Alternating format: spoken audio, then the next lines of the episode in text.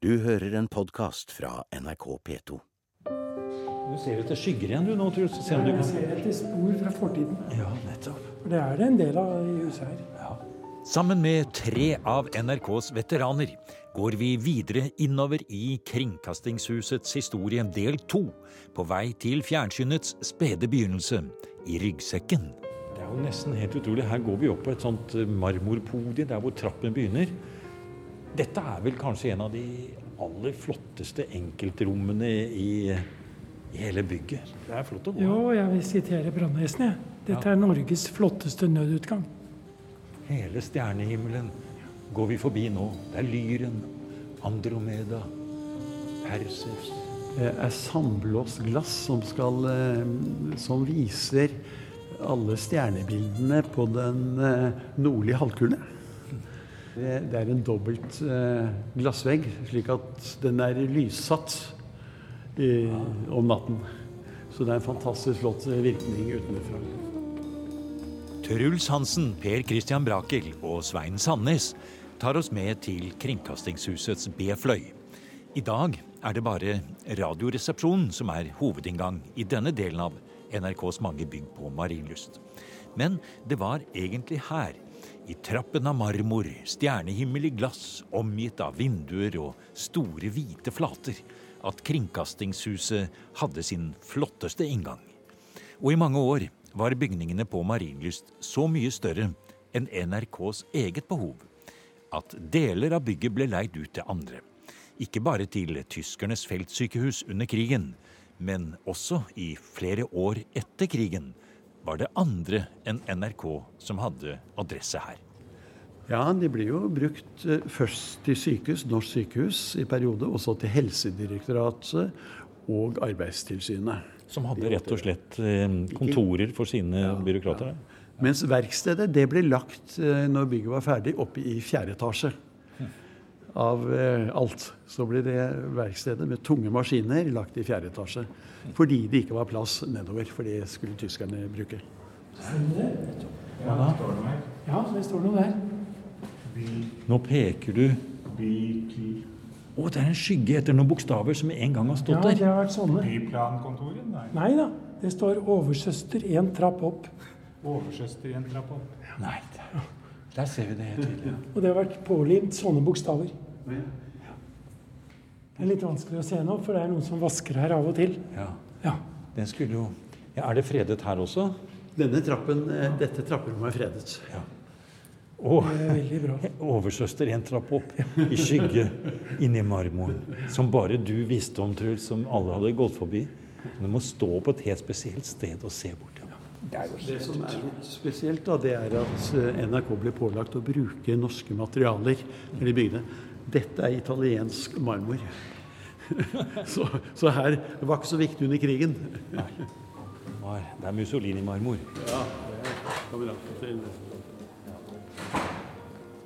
Vi er vel egentlig på vei mot ryggsekken vi nå, eller? Det er vi. Ja. Ja. Den er jo ikke tegnet inn på det kartet. Nei. Åh, det er flott, disse lange korridorene. Og de er skikkelig lange. De er eh, Hva er det for noen hundre meter? Nå er det i hvert fall fullt mulig å løpe 60-meteren i masse av korridorene her. Og eh, gamle kantina lå i andre enden. Så Som er verkstedet her. verkstedet Å, var det verkstedet her, ja? Nettopp. Nå er det P3 som holder til der inne. Ja, det lå på begge sider av Ja, korridoren. nettopp. Og den første P2-redaksjonen ble bygget her sånn. Før de bygget i Trondheim. Så lå den her. Og da gjorde vi det om fra verksted til P2-redaksjon. Så den ble etablert her. Da Stubberud begynte å rive, så var det noen av oss som krabba opp, og da fant vi noe som hang fra tynne snorer. Det var tobakk som hang til tørk, og hadde hengt der siden krigen.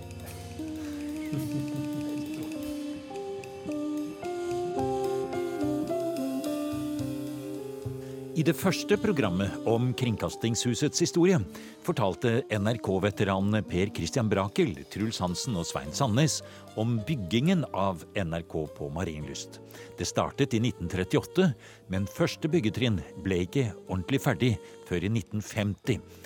Og det var jo også bare starten på mange nye byggetrinn, som har fortsatt til langt inn på 2000-tallet. Det første programmet ligger klar til nedlasting i appen NRK Radio under museum. Og der lovte vi at i program to skulle vi snakke om fjernsynet og TV-huset. Og det er derfor vi er på vei til ryggsekken. God aften. Mitt navn er Cox. Men vi sa også at vi skulle ta en ørliten kikk innom Radioteatret og hørespillstudioene. Stopp! De bommet! Der kjører han, svinet. Ja, her lukker det opp en dør. Og det bare lukker opp teakveggen, ja. Og her ser du masse plakater. Sherlock Holmes, William Nelson, 1984. Da privatetterforsker Paul Cox herjet i Radioteatret på 1950-tallet, spilt av Arne Lie i regi av Paul Skoe, så lå gatene like øde og forlatt som da radiopionerene Leif Rustad, Otto Nilsen og Kirkvåg og Heggtun hadde sine show i store studio. Dette var før fjernsynet kom, i monopoltiden. Begge deler noe som vel er helt umulig å forstå for alle som er født etter internett. Men her er vi, i selve hjertet av Radioteatret. Et fantastisk lydstudio med magi i veggene. Kontrollrommet lå, ligger der nede. Bitte lite rom som ikke rommet mye. Så eh, det var fire hørespillstudioer her. Det vil si eh, kontrollrommet 21 var et effektstudio. Men det var fire hørespillstudioer. Så for alt vi vet, så kan det være her Cox er spilt inn. Ja, det vil jeg tro. Det vil jeg tro. Ja. Ja. Alle de store alt er jo spilt, alt er spilt inn. Ja. Dickie Dick Dickens og Ja, ja. alt. ja, ja, ja. Alt, alt. Vi hadde jo også et studio, eller har et studio som er eh, Studio 28, som, hvor høl- eh, Sølvguttene eh, øvet. Det var jo ment som et øvingsstudio. Det Ble bygget som det, men ble veldig fort overtatt av Barnetimen. Så jeg vet ikke om det har vært tatt opp noen barnetimer her, eller om alt er gjort i 28. Nei, altså Alle lørdagssportteam- alle lørdagssporttimene er tatt inn her. Er tatt, altså hørespillene er gjort her. Det kontrollrommet ved siden av, da jeg leste brev i barnetimen i 1954. Oh, ja. Er det for innenfor den døren her, ja? Å, det er et baderom! Og så kan man også få en, et, eh, en helt annen hard lyd. Og se her.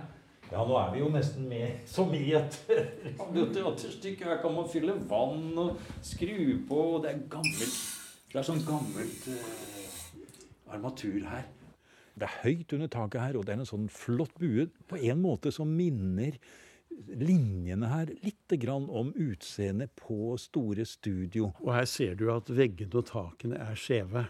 Sånn at ikke refleksjonene, at bølgene står i rommet. For, øvrig kalles disse platene på veggen eh, de kalles Vågen-plater etter en tømmermester som har yes. gjort denne jobben. Ja. Han skulle bare Han fikk oppkalt etter Ja, seg. han skulle bare vist hva de var blitt brukt til. Men det er flott, flott her, Svein. Det må jeg si. Det er helt fantastisk. Ja. Det tror jeg vi kan være trygge på. At noe lignende hørespillstudio vil ikke bli bygget i Nei. igjen. Nei. Dette er jo et fredet rom. Dette Ja. er blitt fredet. Enda godt, det. Og her kommer vi igjen ut i korridoren vi begynte i. Ja. For en fantastisk eh, runde. Hender det at dette blir vist frem når det er guidede omvisninger i NRK? Ja, det blir alltid vist frem. Ja. Guidede turer går alltid denne veien. Ja, det kan vi jo bare anbefale. Ja, helt klart. Både store studio og hørespillstudioene.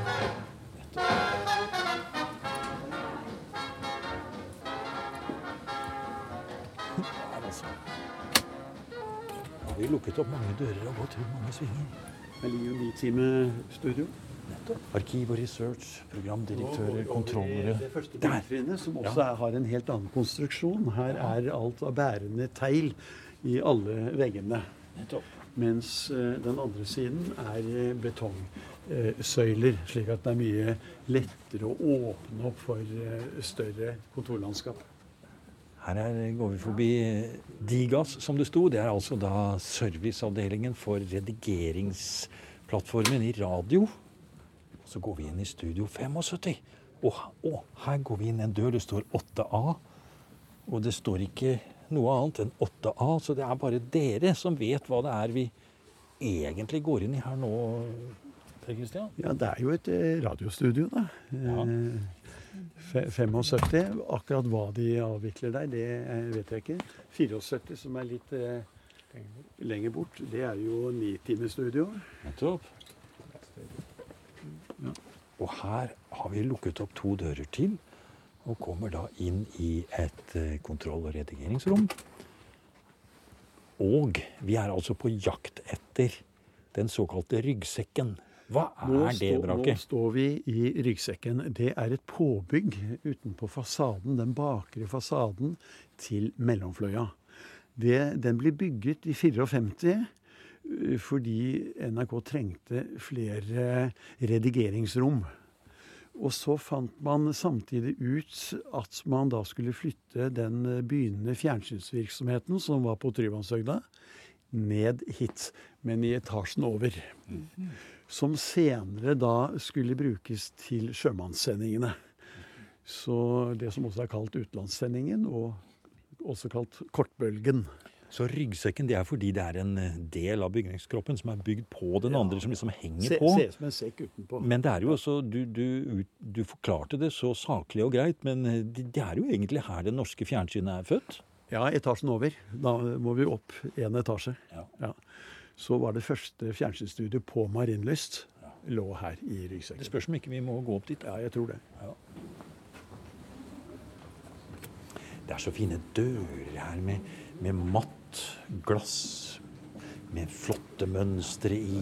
Og vi er nå fortsatt på vei etter det som jeg kalte for fødestedet til det norske fjernsynet.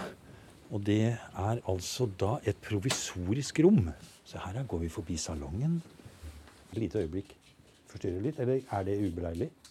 Vi skal snart begynne et opptak her. Blir det et minutt, tenker jeg. Ja, et minutt, ja.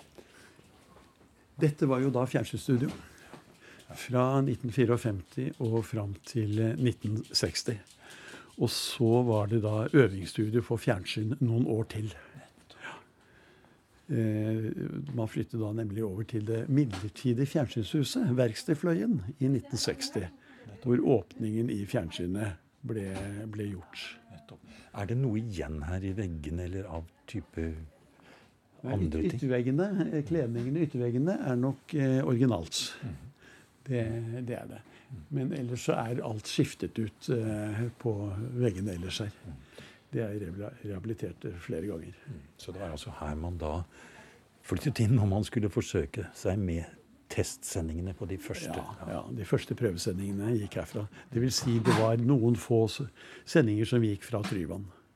Men det ble for tungvint å ha det der oppe, så man flyttet det ned hit. Nå skal salongen i gang.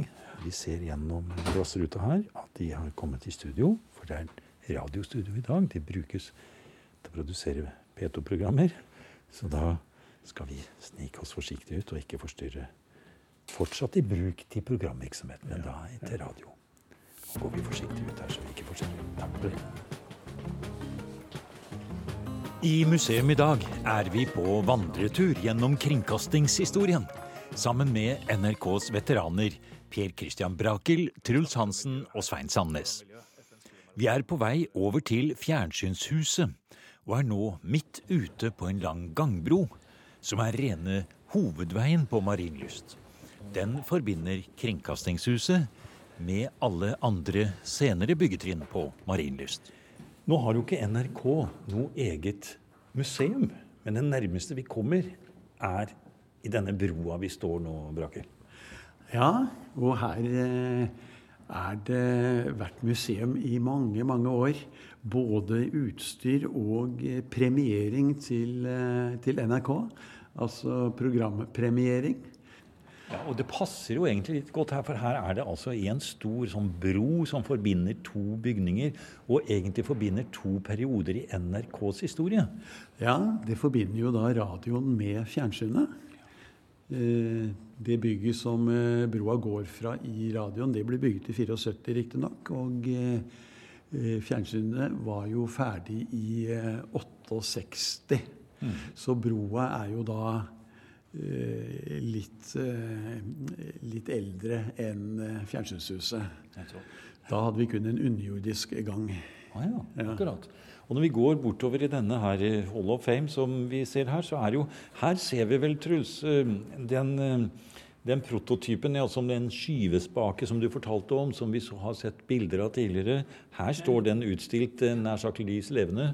Ja, det er en eh, prototyp. Og så er det en av de som da ble satt i produksjon. Nettopp. Og, og, i neste store monter så kommer nær sagt resultatet av det. Her er det både amandaer og all verdens montrøroser og hva det nå kan være, alt sammen. Det er jo en imponerende samling premier vi ser her. Jeg skal ikke si det helt sikkert, men noen har i hvert fall sagt til meg at vi har den nest største samlingen av montrøroser etter BBC. Ja. Det er ikke så verst. Og det er fra That's Entertainment. Med sølv i Vang. Tatt i Asker i minus 15 kuldegrader. Du snakker som om du var med på det? Det er riktig. og her kommer vi da til modeller som viser det første fjernsynshuset. Og det interessante er jo den modellen av verkstedfløyen, som vi etter hvert kalte det. Første fjernsynshuset, som var provisorisk. Da hadde vi ikke utstyr til alle studioene, så vi kjørte bussene inn i korridoren og brukte bussutstyret til sendingene. For vi hadde ikke mer utstyr. Og her kommer vi inn Nå, nå er vi vel inne i fjernsynshuset? Nå er vi i fjernsynshuset. Ja. Nå har vi veggen mot eh, studioene rett foran oss. Hvor da det er oppstilt eh, mye gammelt teknisk fjernsynsutstyr. Mm. Og her ser vi jo masse kameraer. Vi ser eh, hvordan de kan kjøres i studio. Og der er kamera tre, ser vi. Og noen har store linser, noen har mange linser. Noen er gamle, og noen er relativt nye. Og det er vel kanskje mange som ikke tenker over at den første fjernsynstiden, det var jo på film. Ja, det gikk jo direkte alle fjernsynsprogrammene. Ja. Så skulle man eh, ha, ha, noe fra den tiden, så måtte man ta et film ved siden av. Mm.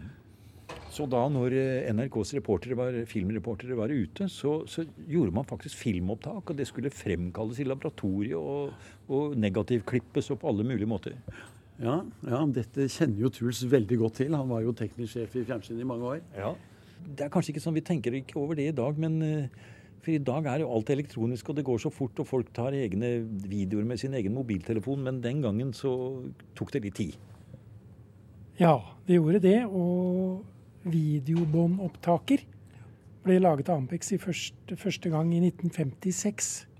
Og da hadde jo fjernsynet i utlandet gått i mange år. Og derfor var alt som skulle tas opp, det ble tatt opp på film. Og vi fikk eh, båndopptakere for video i 60-tallet. Og før det så ble viktige sendinger sendt på linje til Danmark for opptak der, for de hadde fått videobåndmaskiner før oss. Ja.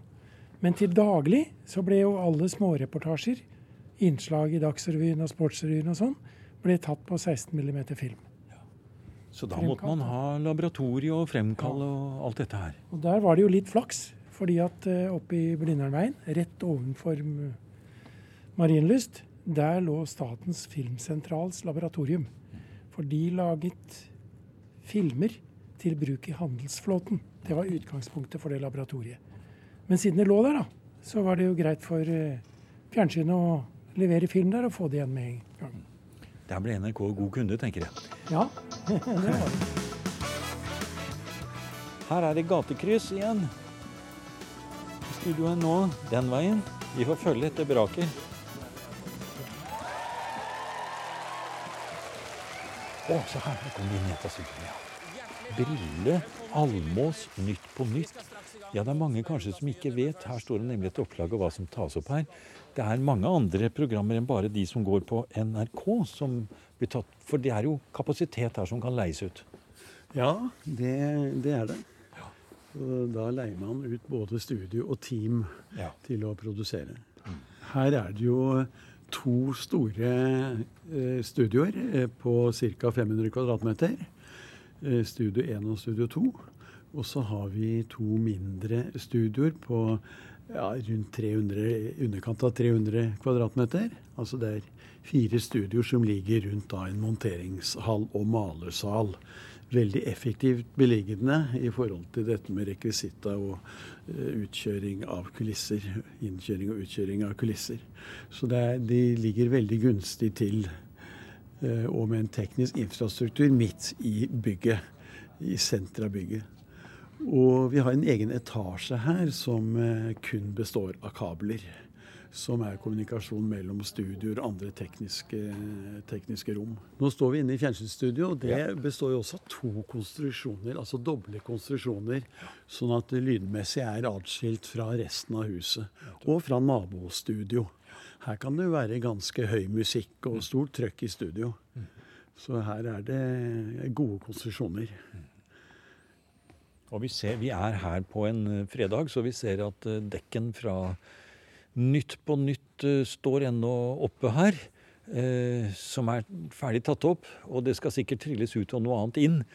Og vi ser studio er tomt akkurat nå, men i taket så henger det jo en regnskog av lyskastere.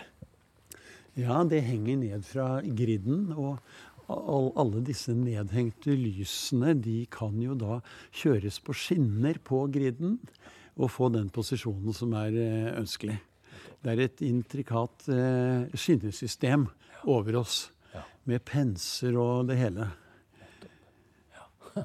Her oppe ser kontrollrommene. Ja, for de ligger oppe bak. ja. De ligger oppe der, ja. Og Da huset ble bygget, så trodde man det var veldig viktig å ha vinduer inn i studio. Så man kunne se hva som foregikk. Mm. Det første som skjedde, var jo at eh, teppene ble trukket foran vinduene. og så følte man ikke noe behov for det, egentlig. Nei, fordi man ser jo på monitorer alt ja, som skjer. Ja. Så det er helt annerledes, det. Og det gjør det jo sånn at man kan plassere da kontrollrommene der hvor de passer best. ja.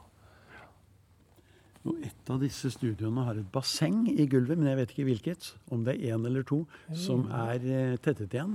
Ja, jeg mener det var her. Ja, et basseng? Ja, basseng, ja.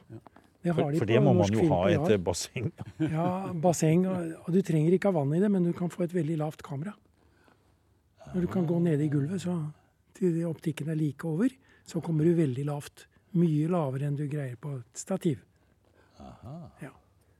Men, det... men det vi, når vi har hatt mye vann her, så har det gjerne vært i et basseng stående oppå gulvet med maks 70 cm vann eller noe sånt. For ellers blir det for tomt. Jeg mener å huske at Det tåler ca. et tonn, tonn per, kvadratmeter. Ja, og Hvis ja. du fyller en meter i høyden, så har du et tonn per kvadratmeter. Ja. Ha. Men vi har hatt eksempler på at vi både har hatt et basseng her og en elefant som har gått forbi. Og da har vi hatt trøbbel. Da måtte vi gjøre tiltak. Jeg skal si Det går egentlig fint med elefant. Man har vel trøbbel på så mange nivåer. Hvis man har en Men hvis den står på ett ben, så får du alle fire tonna på mindre enn en kvadratmeter. Ja. Så det er en del sånne praktiske ting. Men se her gikk vi ut av, gikk vi ut av eh, fjernsynshuset nå. Her ser vi vi går over en ny sånn bro. Ja. ja. Nå går vi over i Nyhetshuset. Ja. ja. Nå er vi utenfor fjernsynshuset. Vi prøver den. Skal vi se. Nå går vi videre inn her. Og her er det Her er det nyhetsstudio som står midt på gulvet. Og det er dette her som kalles Truls, et levende, pulserende nyhetsmiljø. Her sitter det folk utover hele. Ja, her går vi midt gjennom de forskjellige deskene. De kan jo gå ned enda en etasje. Og her er vi i en helt annen type arkitektur. Og rundt oss så er det titalls, kanskje mer, kanskje hundre eh, skjermer og det sitter folk og jobber på nett og publiserer fortløpende og kontinuerlig. Under oss så ser vi de store redaksjonslokalene til både Dagsrevyen og Dagsnytt. Litt lenger der borte er studioene til Dagsnytt 18.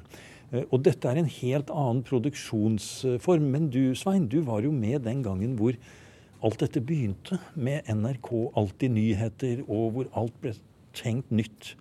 Det var et tidsskille også, akkurat som overgangen til fjernsynet var. Ja, det var jo at eh, programtilbudet skulle spesialiseres på ulike målgrupper, som var kjernepunktet. Altså Tidligere så hadde jo alle sittet og hørt på én radiokanal. Etter hvert så ble det konkurranse i eteren. Eh, NRK laget på radiosiden, både P1 og P2. Problemet i starten med P1 og P2 det var at de konkurrerte åpent seg imellom. Så når da eh, Tor Fuglevik ble radiodirektør, så ville han etablere et radiotilbud som hadde eh, ulike målgrupper. eh, og som da ikke skulle konkurrere så direkte mot hverandre. Og dermed fikk vi Einar i tre kanaler, eller, eller trekanalradioen, da, som det offisielt het. Og skrittet videre var jo at også Dagsnytt og Dagsrevyen skulle slutte å konkurrere med hverandre. Men da, Brakel, da måtte det et nytt bygg til. Eh, Og det er det bygget vi står i nå. Ja, dette er jo dette nye bygget hvor vi da samlet både Dagsrevyen og Dagsnytt, altså radionyhetene og fjernsynsnyhetene, pluss alle redigeringsenhetene som vi hadde i brakker, midlertidige brakker. Eh, For dette bygget så er det kommet inn en ny arkitekt. Da første gang vi avvek fra våre gamle arkitekter, Bauk og Holter.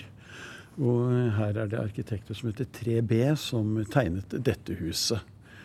Og her har vi også et eh, glasstak et, eh, i over et åpent eh, landskap.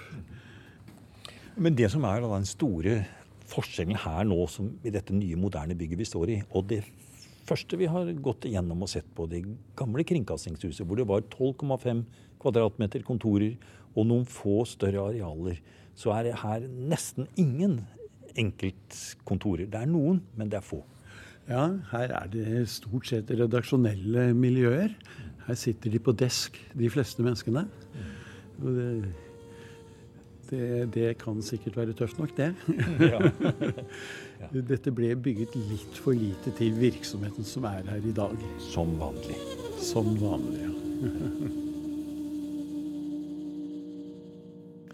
Her sluttet den utgaven av museum som ble sendt på vanlig måte i P2, men i en podkast er vi ikke bundet av klokkeslett og bestemte lengder på programmene. Så derfor fortsetter vi litt til på vår vandring rundt i Kringkastingshuset med NRK-veteranene Per Christian Brakel, Truls Hansen og Svein Sandnes.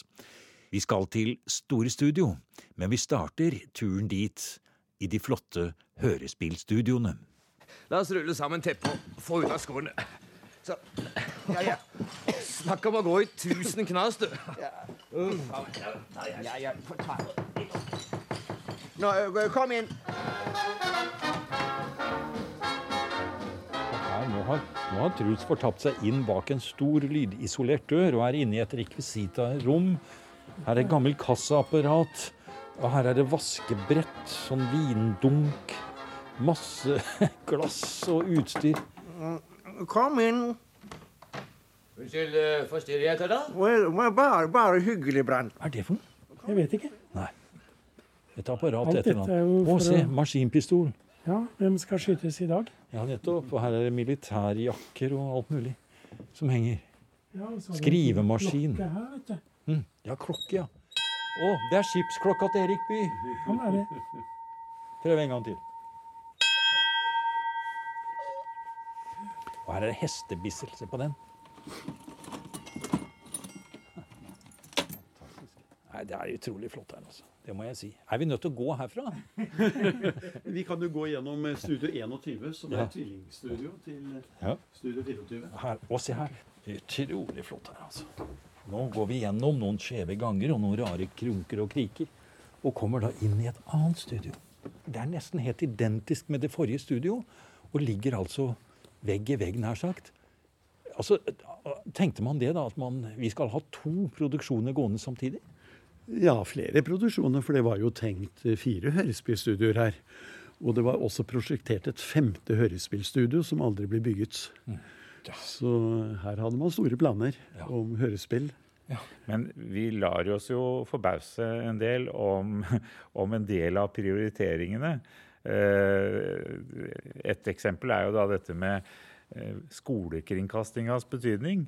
Eh, De hadde 171,5 kvadratmeter til si- disposisjon, mens, mens hele nyhetsavdelingen kunne føres inn på et par og 90, eller om det var 78 kvadratmeter. Mm. Så, så, dette er jo I dag er jo all skolevirksomhet nedlagt i NRK, mens nyhetsavdelingen har jo et stort eget bygg. Nytt eget bygg, ja.